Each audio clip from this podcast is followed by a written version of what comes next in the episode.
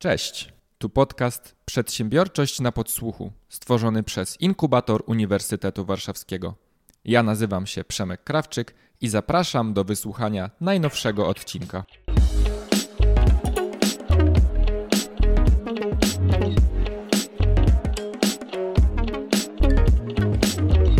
Witajcie, witajcie, witajcie, drodzy słuchacze. Fajna, fajna myśl przyszła mi do głowy. Tutaj nie będę jakoś fałszywie skromny, bo oglądając zapis y, ostatniego naszego uniwersyteckiego TEDxa, TEDxa, który się odbył 30 czerwca y, no, tego 2023 roku. Badacze, młodzi badacze i badaczki, mieliście okazję opowiadać o różnych tematach, które gdzieś tam zbiorczo były nazywane jako naukowy update młodzi e, badają świat. Mówię mieliście, bo e, w studiu mam e, super gościnie dzisiaj. Martyna Dudziak-Kisio jest z nami. Dzień dobry Martyna. Dzień dobry, dzień dobry. Witam wszystkich bardzo serdecznie. No I dziękuję za zaproszenie. Bardzo, ja Ci bardzo dziękuję, że przyszłaś. No i słuchajcie, Martyna jest doktorantką w Szkole Doktorskiej Nauk Społecznych. Jest też wykładowczynią na Wydziale Dziennikarstwa, Informacji i Bibliologii u nas na Uniwersytecie Warszawskim. Jesteś też badaczką mediów i, i, nowych technologii, więc y, myślę, że dość dobra afiliacja, żeby wystąpić na, na TEDxie.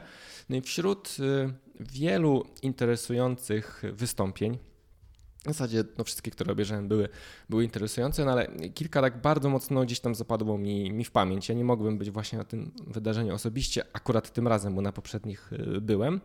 Y, natomiast, y, no właśnie, jedną z takich prezentacji, która do dziś rezonuje w mojej głowie, jest właśnie Srebrna Rewolucja.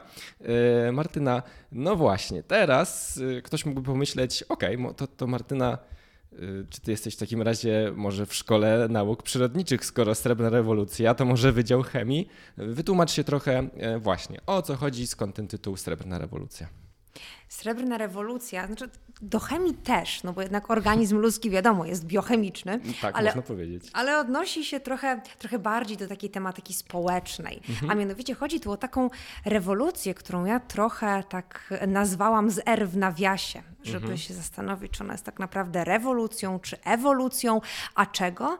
a starzenia się społeczeństw. Dlatego, że jak e, popatrzymy sobie na takie różne wykresy które mówią nam o tym, ile lat średnio żyjemy, ile mamy dzieci, jak to nasza struktura społeczna się zmienia, no to zauważymy na nich taką prawidłowość, że żyjemy coraz dłużej. I mhm. mamy coraz mniej dzieci. I te dwie składowe nas jako społeczeństwa będą składały się na zjawisko starzenia się społeczeństw. I na czym ono polega w liczbach? Pomyślcie sobie teraz, proszę, drodzy słuchacze, ile osób w Polsce jest powyżej 60 roku życia? Jeżeli już macie w głowie tę liczbę i to jest Wasza odpowiedź na moje pytanie, to zaraz możecie sobie sprawdzić, czy faktycznie tak jest. Powiem Wam, że co czwarty Polak i co czwarta Polka są w wieku powyżej 60 lat. Do roku 2050 będzie to już jedna trzecia społeczności naszego kraju. No właśnie, Martyna, to ja od razu odbijam piłeczkę, bo jak e, staram się śledzić różnego rodzaju artykuły w mediach, no też wyniki badań naukowych, no to do tej pory starzenie się społeczeństwa to był temat, który przypisywano Chinom, Francji, prawda? Niemcy na przykład, ale gdzieś do niedawna nie słyszeliśmy, że polskie społeczeństwo się starzeje. Kiedy to się wydarzyło? Jak to się stało? No właśnie o to chodzi. Dlatego to jest tak pasjonujący temat, że no. on gdzieś umknął naszej uwadze, a tak. jednocześnie naszej uwadze umknęło to, jak bardzo zmieniła się rola społeczna osób starszych. To, mhm. jak one są portretowane, to, jak one wyglądają, to, jak one się zachowują, to właściwie jaką ważną rolę odgrywają w naszej społeczności.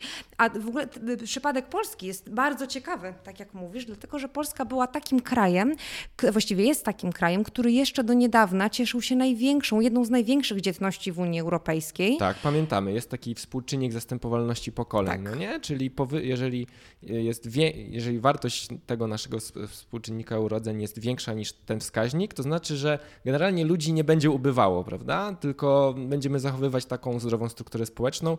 Ten wskaźnik już nie pamiętam ile on wynosi, ale chyba Polska się znalazła już pod kreską, no nie? Już dawno znalazła się pod kreską, a co więcej, przybywa nam w bardzo dużym tempie osób starszych, a bardzo mocno ubywa nam nam dzieci, czyli ta zastępowalność mhm. pokoleń w tym momencie dzietność na kobietę nie przekracza nawet 1,3 1,3 mhm. dziecka na kobietę. I tak naprawdę ta sytuacja się odwraca, bo z tej powiedzmy najbardziej komfortowej sytuacji w Unii Europejskiej jesteśmy krajem, który najbardziej dynamicznie przechodzi te transformacje i staje się w najmniej komfortowej, dlatego że mamy więcej osób starszych i mniej dzieci. Tylko tutaj jest jedna ważna rzecz, którą chciałam dodać, bo mhm my nie możemy tych liczb traktować w taki sposób, że dzieje się nie wiadomo jaka tragedia i to źle, że my mamy dużo osób starszych. To w ogóle nie jest tak. Te proporcje będą wpływały na bardzo ważne dziedziny naszego życia, związane na przykład z tym, że mniej osób pracuje na emerytury dla coraz większej liczby osób, prawda? No bo tych, tych osób starszych, ich udział będzie w tak, społeczeństwie tak, większy. To jest taka bardzo duża konsekwencja gospodarcza, tak, powiedzmy, prawda? Ale to jest jakiś fakt, który się dzieje. Natomiast to nie jest tak, że jest to wina tych osób starszych albo że będziemy teraz obwiniali osoby, które nie mają mają dzieci. Są pewne mhm. fakty, które po prostu się dzieją i, i, i, powinniśmy na nie reagować. Co często, bądźmy szczerzy, prawda? Na przykład politycy wykorzystują ten fakt w ramach jakiejś kampanii wyborczej, właśnie przerzucając odpowiedzialność na młodych ludzi. Czasami słyszymy, że bo młodzi ludzie no nie chcą mieć dzieci, prawda? Dzisiaj to wolą jakieś inne prawda, zajęcia. Media podchwytują te tematy i to zaczyna krążyć. Co do tego współczynnika yy, sprawdziłem 2,1 to jest ten współczynnik zastępowalności, tak. a dla Polski wynosi on 1,26, czyli mhm, jesteśmy... Mniej niż 1,3. No jesteśmy, kurczę, no słuchajcie, nieciekawej sytuacji. E, ale Martyna, ja jeszcze się zaczepię mm, do czegoś, co powiedziałeś wcześniej, mm -hmm. bo zaraz o tym zapomnę. Powiedziałeś, że mamy jakiś wykreowany w społeczeństwie obraz osoby starszej, mm -hmm. tak? Jakiś taki stereotypowy. Jak taki przeciętny Polak, Polka po 60 roku życia wygląda? Ty znasz badania na ten temat, więc jak wygląda w oczach naszego społeczeństwa stereotypowa osoba po 60 w Polsce? Ja na TEDxie nawet mówiłam o tym w formie takiej historii, mhm. dlatego że ten obraz można przedstawić w formie takiego dnia z życia seniora. Tak. Jest to taki dzień, takiej który, persony, prawda? Taki, tak, takiej persony, ale takiej, którą ułożyłam z pomocą moich studentów. No bo mhm. po prostu kiedyś padł taki temat, że oni właściwie nie lubią tych ludzi starszych. No i tam padały różne kwestie, a to światopoglądowe, a to to z jakich mediów korzystają, a to to jakie mają opinie na temat młodego pokolenia. Tak. No i właściwie tam padło bardzo dużo takich stereotypów. No więc jak wyglądałby taki dzień? Zaczynałby się on bardzo wcześnie rano, no bo przecież wiadomo, że starzy ludzie nie mogą spać, bo coś im łupie w krzyżu, wszystko ich mhm. boli, w ogóle noce mają krótkie, nie śpią. Mhm. Więc wstają rano, i łykają całą garść tabletek, która zjada połowę ich emerytury, no bo musimy pamiętać, że starzy ludzie są biedni. Oczywiście stereotypowo, prawda? Są biedni. Następnie to, co, co będzie, czy będziemy ich kojarzyć, to będą takie wózeczki, z którymi chodzą na zakupy. Tak, takie na kółkach. Takie na kółkach, które się Aha. za sobą ciągnie, dokładnie. Tak. Będziemy mieli kłótnie o miejsca w autobusie bo tutaj znowu będziemy mieli taką roszczeniową postawę w stereotypie, prawda? Wpychanie się w kolejki do lekarzy i odwiedzanie ich o wiele częściej niż, niż byłoby to wskazane, taki e, e, trochę hobby, które polega na tym, że codziennie odwiedzamy innego lekarza, no bo tak. przecież tak. tym osobom się nudzi. E, będziemy mieli jeszcze jakieś takie kwestie dotyczące e, oglądania telewizji, prawda? Że tam wszystkie tureckie seriale, rozgłośnie religijne, że to będą I takie klan. rzeczy. Klan oczywiście, M jak miłość, że tak. to będą takie, takie, takie produkcje, które będą nam się z tą grupą kojarzyły. No ale też w tym wszystkim będzie, w tym obrazie będzie pokutowała i mocno przebijała taka raczej e, stagnacja, smutek, samotność, bieda. Raczej to będą takie określenia, które sprawiają, że jak myślimy o takiej osobie, to widzimy jej frustrację i to, że jest nam właściwie smutno. Mhm. Natomiast przypomnijmy, jedna czwarta Polaków jest powyżej 60 roku życia i na pewno tak nie wygląda życie jednej czwartej Polaków, prawda? To jest gdzieś tam taki obraz, który też nam się utrwalił w mediach, no bo jeżeli mieliśmy jeszcze jakiś czas temu przekazy dotyczące seniorów, one najczęściej były przekazami w rodzaju e, starszych ludzi nie stać, musi interweniować Jaworowicz albo jakikolwiek inny program interwencyjny, gdzie widzieliśmy tych ludzi w bardzo skrajnej sytuacji. Okay. Mhm. Właściwie te szare głowy w mediach w ogóle nie występowały. Tak naprawdę gdzieś dopiero możemy zobaczyć, że tak jak TVP teraz, główna grupa docelowa konsumentów TVP to będą jednak osoby starsze, mhm. to tam widzimy więcej tych ankormenów, czyli osób na przykład prowadzących wiadomości w tym wieku. Tak, ja, ja zauważyłem, że jest y, edycja The Voice of Poland, prawda, czyli programu, którym ludzie śpiewają. Tak, i był The Voice Senior, gdzie zapraszane były właśnie do castingów osoby starsze i no na początku się zdziwiłem, ale potem pomyślałem, no rzeczywiście I tutaj znowu stereotyp zadziałał, no ale właśnie to pokolenie Silver no, ogląda przecież telewizję, prawda? To jest ich pewnie jakieś tam, nie wiem, główne medium albo jedno z tych głównych, więc tam też ta oferta powinna być do nich dostosowana. Czyli, czyli jednak Twoim zdaniem za ten stereotypowy wizerunek osoby starszej w Polsce odpowiadają głównie media, tak? Czyli to jak po prostu skierowany ich jakiś tam wizerunek, no właśnie, w programach różnych publicystycznych albo, no ja też sobie przypominam, kurczę, nawet takie seriale, nie? Gdzieś tam fabuły i tam też osoby starsze często właśnie w taki sposób są przedstawiane, więc to bardzo dużo racji jest w tym, co, co, co mówisz. A jednocześnie to się zmienia, bo właśnie dlatego mamy rewolucję z R w nawiasie. Tak. Bo tak na przykład jak ten program Voice Senior, ja robiłam badania fokusowe z seniorami, gdzie rozmawiałam o tym właściwie, jaki ten obraz oni widzą w telewizji, czy on się im podoba, dlaczego. Obraz siebie, tak? Obraz siebie, obraz okay. swojej grupy mhm. społecznej, takiej powiedzmy społecznej wiekowej. I akurat Voice Senior był przez te osoby podawany jako program, gdzie seniorzy przedstawiani są najlepiej, ponieważ nie są kreowani na takie typowe gwiazdy. Tam bardzo często był kontrast z Marylą Rodowicz, mhm. bo oni nie są kolejnymi Marylami Rodowicz, które mają wyjść na scenę w piórkach i śpiewać, tylko są to osoby, które są pokazywane jako takie, które przeżyły swoje życie e, do tego momentu, w którym są teraz miały pewne wzloty, pewne upadki, ale to, co jest najważniejsze, to mają teraz czas na siebie i nie boją się spełniać swoich marzeń. I to jest o mhm. takiej odwadze i takim wyjściu gdzieś z tej swojej strefy komfortu i takiego życia pełnią życia po sześćdziesiątce. I to jest dla mnie absolutnie niezwykłe, jak bardzo w świadomości tych osób ten program się wybija na prowadzenie i jak bardzo właśnie ten, ten sposób obrazowania seniorów jest dla nich taki wzorowy. I właściwie nie miałam ani jednego głosu w czasie tych fokusów, żeby któryś senior albo seniorka powiedzieli: O nie, nie, nie, tam to są źle przedstawiani. Absolutnie nie. Okej, okay, okej. Okay. No to widzisz, to, to jest bardzo, e, bardzo ważne. Oczywiście pewnie zgodzisz się ze mną, że są tacy seniorzy, którzy odpowiadają w dużej mierze temu obrazowi, który przedstawiłaś, prawda? Mamy w Polsce, wiemy, że kilka, przynajmniej kilka procent w ogóle naszego społeczeństwa na przykład zmaga się z problemem niedożywienia, prawda? Wiemy dzisiaj, że dla osób szczególnie mieszkających w dużych miastach e, problemem staje się samotność, prawda? I często jest tak, że na przykład osoby starsze nie, wiem, nie mają rodziny, bo starsi członkowie ich rodziny już odeszli, a na przykład ci młodsi z różnych względów rzadziej albo E, częściej je odwiedzają. Natomiast no, też fajnie jest sobie uświadomić, że seniorzy to jest grupa bardzo zróżnicowana, prawda? I, I, znajdą się wśród tych osób tacy stereotypowi seniorzy, o których przed chwilą rozmawialiśmy, ale znajdą się też na drugim biegunie osoby, które no właśnie, oglądają Netflixa, podróżują, prawda? Mają grono znajomych, z którymi regularnie się spotykają na jakichś różnych, przy różnych towarzyskich okazjach, więc ta homogeniczność seniorów, która stereotypowo jest duża, tak naprawdę pewnie jest, jest, jest taka jak w innych grupach wiekowych, no nie? Tak, w dużej mierze tak, a jednocześnie bardzo często jest tak, że jest, jak się rozmawia z osobami, jak rozmawiam z osobami na ten temat mhm. E, i, i, i, mówię o tym stereotypowym obrazie seniorów, albo się pytam, jaki zdaniem tych osób jest ten stereotypowy obraz, to faktycznie będą powielały podobną historię do mojej. Tak. I bardzo często pojawi się zaznaczenie, ale nie moja mama, ale nie moja babcia, ale nie mój wujek. I jak zaczynamy krążyć głębiej, to mówię, a to kto tak żyje? Tak, a spróbuj sobie tak pomyśleć o osobach tobie bliskich. Ile z nich e, faktycznie może być takim stereotypowym seniorem, a którzy nie, którzy będą ten stereotyp przełamywali. I nagle się okazuje, że w gronie tych osób większość seniorów to będą już te osoby, które absolutnie nie będą udziałem tego stereotypu. Mhm. I to dlatego, dlatego mówiłam o rewolucji, która została przez nas trochę niezauważona, że tak naprawdę w nas pokutują pewne poglądy, pewne obrazy, pewne treści, którymi nasiąkaliśmy, kiedy dorastaliśmy, które były faktycznie w mediach, albo takie, które gdzieś w rozmowach z naszymi e, towarzyszami życia będą się przywijały.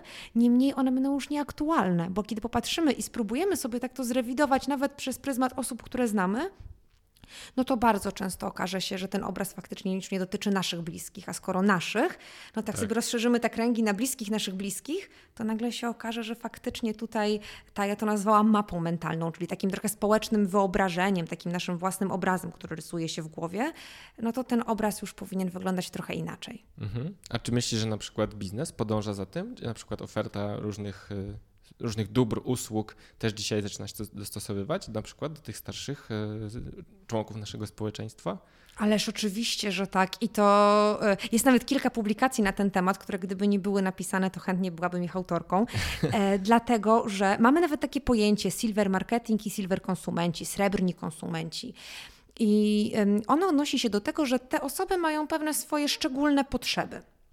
E, I one będą do, przede wszystkim związane na przykład ze stanem zdrowia tych osób, czyli no chociażby to, że mamy, mamy w tym wieku już trochę słabszy wzrok, prawda? No więc potrzebujemy, żeby trochę inaczej pewne przekazy były formatowane.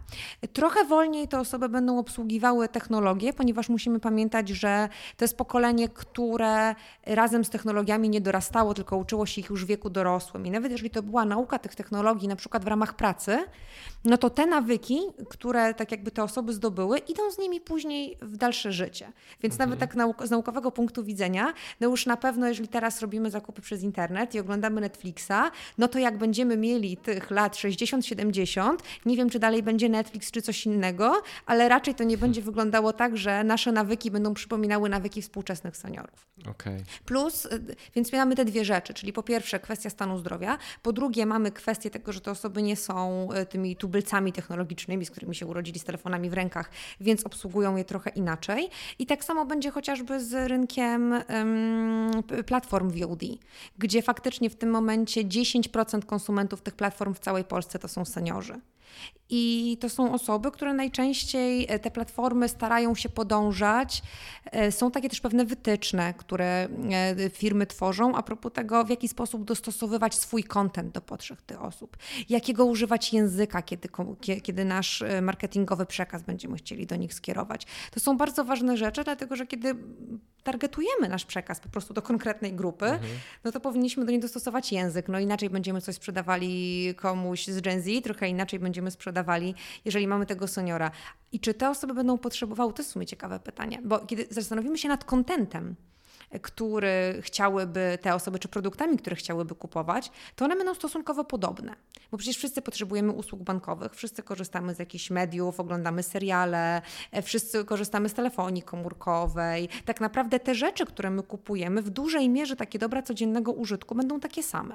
Natomiast dotarcie do klientów i zachęcenie, no to tutaj już będzie, myślę, ta dywersyfikacja bardziej znacząca, no plus oczywiście przekaz medialny.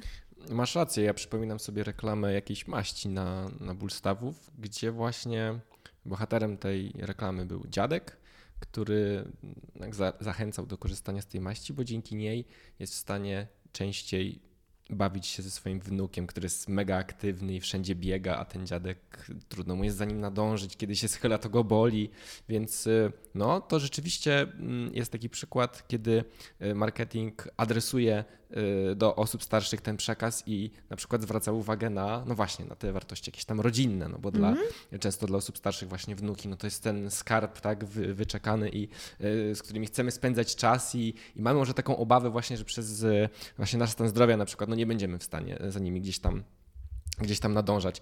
A to jest w ogóle ciekawe, jak mówisz o tej reklamie. Przepraszam, wejdę ci w słowo, no, ale to jest super ciekawe pod kątem biznesowym. Tak. Bo mamy coś takiego, w jaki sposób te telewizje rozliczają się ze swoich ramówek. A czyli, mhm. czyli tak jakby, jak to się dzieje, że reklamodawcy płacą nadawcom telewizyjnym. No i oni płacą w zależności od tego, ile osób z danej grupy wiekowej, czyli tak zwanej grupy komercyjnej, obejrzało dany przekaz. I teraz mhm. uwaga. Czy wiesz, Jakie, jakie są grupy komercyjne największych telewizji w Polsce? Gdzie, gdzie zaczyna się jakby ten pułap, e, od jakiego wieku płacimy za to, że ktoś ogląda reklamy i na jakim kończymy? O, to ciekawe, ale no dobra, strzelam. No? 25, 54. To jest mój strzał. Bardzo blisko. Ona generalnie w TVP on będzie większy, bo 74 lata. TVP jest pierwszą grupą, która rozszerzyła ten próg. Natomiast pozostałe telewizje Polsat 59, e, TVN 49. Okay. I teraz dlaczego o to pytam? No. no bo to w praktyce oznacza, że ta grupa, o której mówimy, w tych telewizjach komercyjnych, chociaż jest największym udziałowcem, jest grupą, za reklamy, do której reklamodawcy nie płacą. Mhm. No bo zobacz, skoro maść jest dla dziadka, no to taki dziadek tak. ma powiedzmy te 65-70 lat, ale on obejrzy reklamę, nawet kupi maść, żeby się pobawić z tym wnukiem, którego tak bardzo kocha. Ale tak jakby już reklamodawca nie będzie płacił, więc ta grupa seniorów akurat na rynku mediów też jest taką grupą, która jest bardzo schowana, tak jakby to jest ten obszar rynku, który do tej pory bardzo mocno był niezagospodarowany i to się powoli zmienia, bo te telewizje rozszerzają zakres tej grupy komercyjnej, niemniej seniorzy są na niej w ogóle niezauważeni. No i z jednej strony dobrze, a z drugiej strony to świadczy o tym, jak bardzo ta grupa społeczna też jest, no właśnie tak społecznie gdzieś trochę postrzegana na marginesie, że my trochę o niej zapominamy i nie zwracamy na nią uwagę, ale kiedy już mamy maść do sprzedania, jak najbardziej, drodzy seniorzy, proszę bardzo, chodźcie i kupcie, pobawcie się z wnukiem. No jasne. Y, w pewnym momencie wspomniałaś o właśnie nowych technologiach. Mi przychodzi właśnie do głowy po pierwsze mm, przypadek skorzystania z bankowości mm, Dzisiaj mam takie wrażenie, że rzeczywiście, yy, znaczy ja nie mam takiego wrażenia, tylko wyniki badań to potwierdzają, że seniorzy po pierwsze bardzo szybko się przekonują do korzystania z bankowości internetowej, co było na początku dużym problemem, bo to była kwestia bezpieczeństwa, kiedy byliśmy przyzwyczajeni, czy starsze osoby były przyzwyczajone, że musimy iść do okienka, dostać to w gotówce, a tutaj ktoś może mnie okradnie, to są cyfry tylko na, na, na ekranie, a nie, a nie żywa mhm. gotówka. A drugi przykład to e-recepta. Mhm. E, I jak wdrażana była w Polsce e-recepta, to się nawet Ministerstwo Zdrowia wydawało, że no to odciąży ten system w przypadku młodszych pacjentów mhm. i fajnie, ale gdzieś założono taki bufor, że ci starsi niechętnie będą z niej mhm. korzystać, a dzisiaj są jakieś szalone wskaźniki tego, jak duża część seniorów korzysta ze recepty, głównie tutaj w formie pewnie SMS-owej, no ale umówmy się, że wciąż to jest y, jakiś y, no bardzo duży też przeskok technologiczny mhm. dla nas jako społeczeństwa. Czy ty też masz jakąś wiedzę, którą się chciałabyś z nami podzielić właśnie jeżeli chodzi o dostęp i korzystanie z nowych technologii przez e, Silver Generation? No, pewnie, że tak. No dobra, to kolejny quiz. Ile, ilu seniorów oglądałeś TEDxa, więc pewnie wiesz, ale zobaczymy, czy pamiętasz. No, ilu bo... seniorów ma konta na portalach randkowych? Ojejku, to no widzisz, to nie będę pamiętał, ale strzelał, ja bym strzelił, że 30. Tysięcy. Aha, mówimy o ilości, tak? Tak. E, ile, ile na, na portalach randkowych, A, ile, ile mamy profili? kont seniorskich? No? O, to jest, no to dobra, to musiałbym to policzyć. To jest tak z, yy, no nie, no to ja bym w takim razie powiedział, że to tak z 2 miliony. Z 2 miliony? No. Nie, no to masz trochę bardziej optymistyczny To przesadziłem. Obraz. No, trochę tak. 800 tysięcy, dane 800. z 2020 roku. 800 tysięcy takich kont. Natomiast to, to, jest bardzo dużo. Mnie ta liczba absolutnie zszokowała, no bo to oznacza, no tak, że mamy prawie milion. To, tak, zrewidowałbym to, jakbym się mocniej zastanowił, ale rzeczywiście no 800 tysięcy no to prawie milion, prawda? Można powiedzieć, że nie. Jedna 36 y, kraju, tak, prawda? To będą tak. seniorskie konta. Biorąc pod uwagę jeszcze, ile osób ma drugie połówki, tych kont nie zakłada. Ale to jest jeszcze nic, bo na przykład co siódme konto w mediach społecznościowych w Polsce również będzie należało do seniorów. Mhm, no Czyli co siódme konto na Facebooku, głównie na Facebooku, bo tutaj wiadomo, sumujemy sobie trochę ten Instagram, ten TikTok. Natomiast tak jak teraz młodsze generacje są bardziej TikTokowo-Instagramowe, tak seniorzy są jednak bardziej Facebookowi. Ale ten Facebook to będzie też wiadomo korzystanie z Messengera, to będą też platformy wszystkie typu Zoom, Meet czy, czy inne, które pomagają po prostu porozmawiać ze sobą na odległość. To zwłaszcza przy covid odegrało bardzo dużą rolę, że, mhm. że, że te osoby tak chętniej wchodziły i to też dane potwierdzają, że tam faktycznie były takie skoki. Więc tutaj tak technologicznie faktycznie widzimy, że to zaangażowanie tej grupy bardzo mocno wzrasta. I co jest szczególnie ważne, bo dlaczego o tym mówimy dzisiaj i dlaczego e, w ogóle takie badania na tych współczesnych grupach teraz prowadzimy, jak wyglądają ich nawyki? No przede wszystkim dlatego, no po pierwsze, żeby te grupy poznać, jasne. Natomiast badania robimy też po to, żeby zobaczyć, jaka czeka nas przyszłość, móc pewne rzeczy przewidzieć i o pewne rzeczy się zatroszczyć.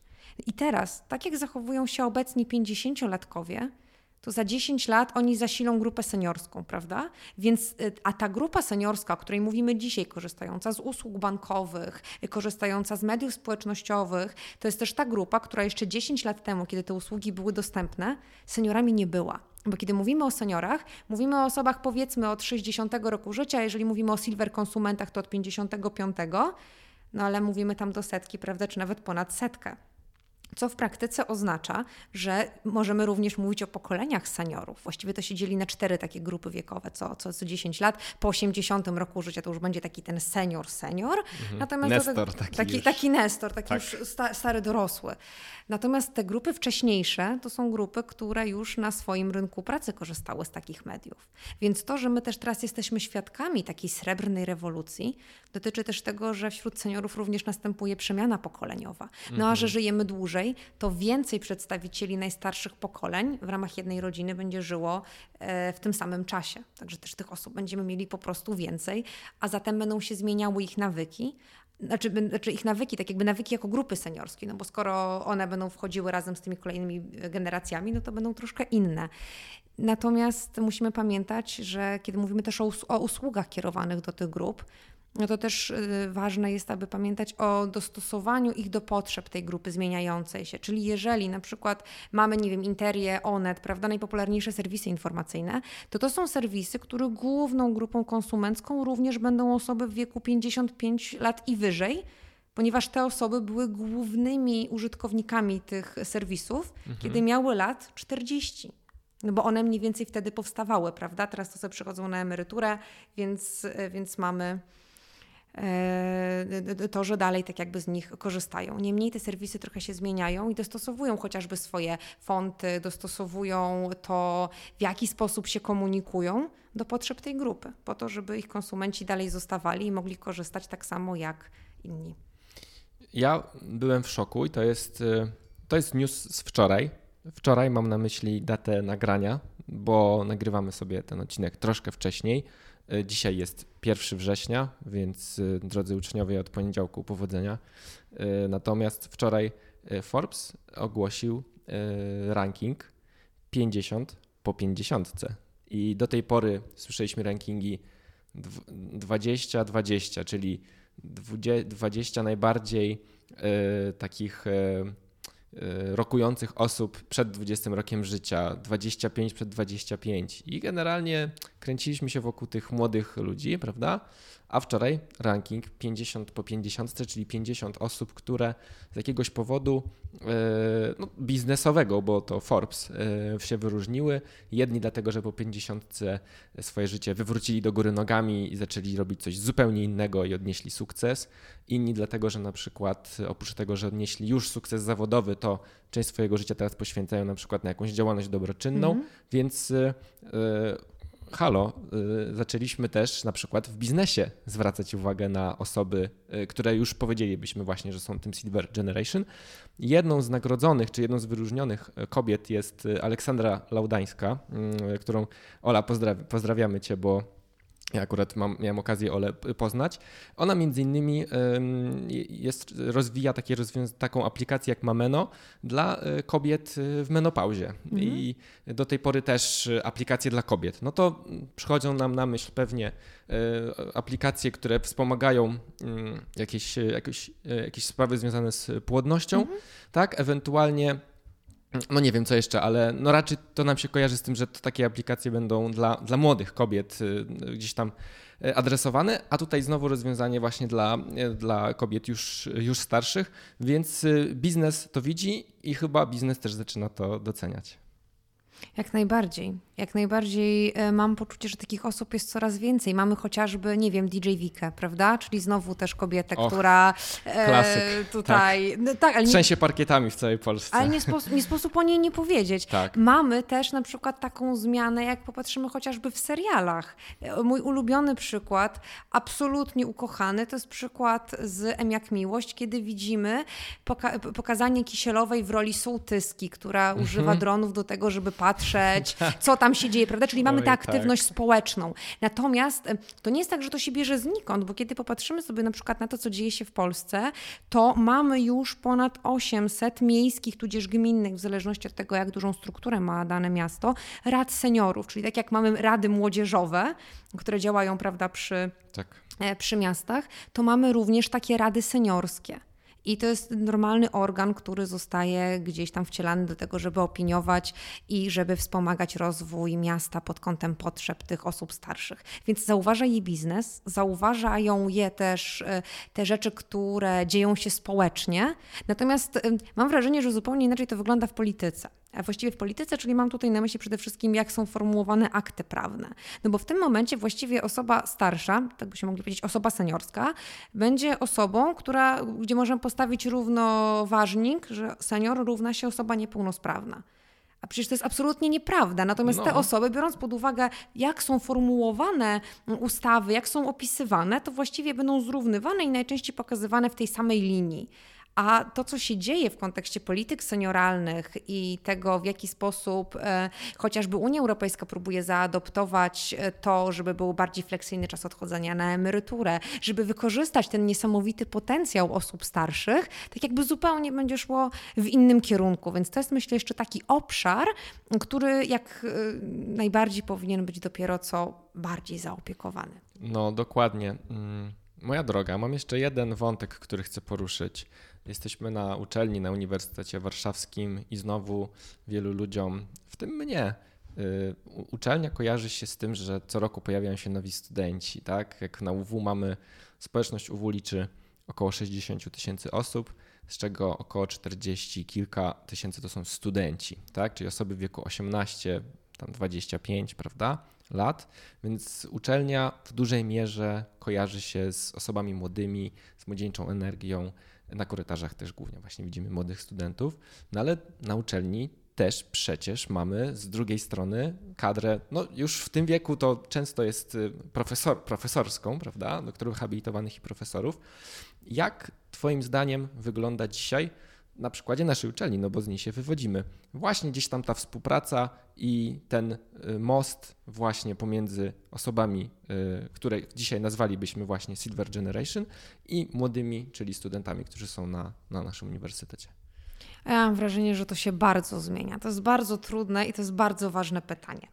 E, dlatego, że jakbyśmy powiedzieli sobie w ogóle o takim modelu kultury, w którym żyjemy, jako społeczeństwa, nazwijmy tak. to te rozwinięte, zachodnie, czy, czy jakkolwiek byśmy chcieli na to spojrzeć, to będziemy mówili o takiej kulturze prefiguratywnej. Czyli ona będzie polegała na tym, że bardzo często to ci młodzi ludzie uczą czegoś tych starszych, że tak jakby odwróciło się trochę to, że gdzie indziej mamy skarbnicę mądrości. Ja mam wrażenie, że to się teraz jeszcze bardziej przesuwa. To mhm. są też badania, które już mają swoje lata, a mianowicie, że my w ogóle w wielu y, dziedzinach życia demokratyzujemy te różnice pokoleniowe. To znaczy, stawiamy na coraz większą solidarność i współpracę. I tak mhm. jakby ten dziadek przysłowiowy i wnuczek, o którym wspomnieliśmy wcześniej, oni coraz bardziej nie będą w jakiejś takiej relacji, nazwałabym to zależności, ty musisz mnie słuchać, ja wiem, jak coś wygląda, tylko będzie to budowanie takich relacji, mamy trochę inne perspektywy. Wszystko się bardzo szybko zmienia i musimy wykorzystywać nasze wspólne potencjały.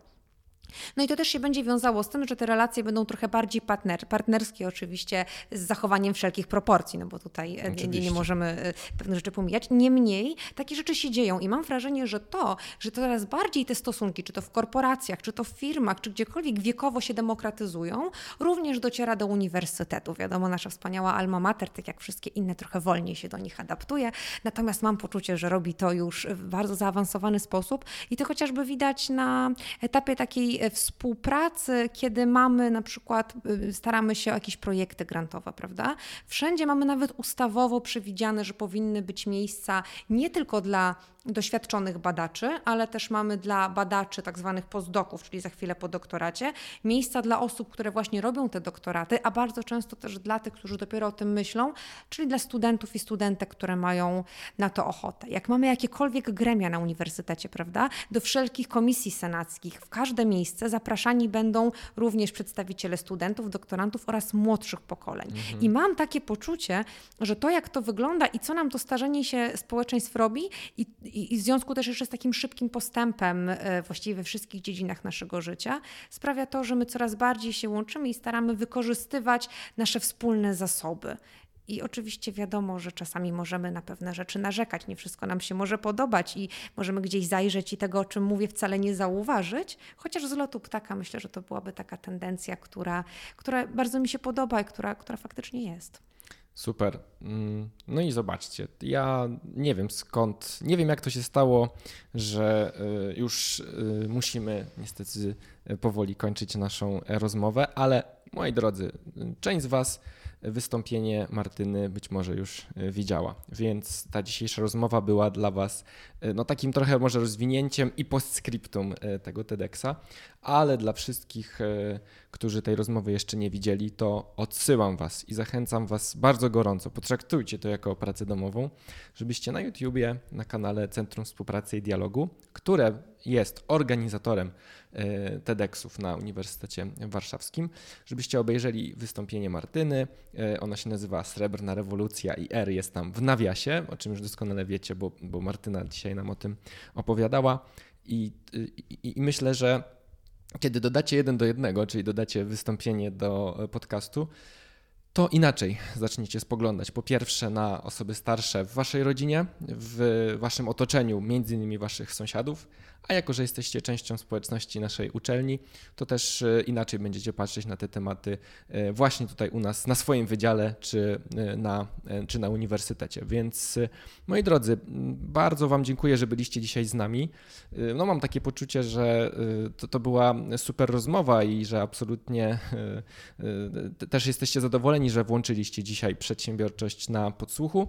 Ja jeszcze raz y, chciałem Wam y, podpowiedzieć, że gościliśmy dzisiaj Martynę Dudziak-Kisio, doktorantkę w Szkole Doktorskiej Nauk Społecznych, wykładowczynię na Wydziale Dziennikarstwa, Informacji i Bibliologii oraz badaczkę mediów i nowych technologii. Martyna, bardzo Ci dziękuję za dzisiejszą rozmowę i spotkanie. Dziękuję bardzo, bardzo, bardzo.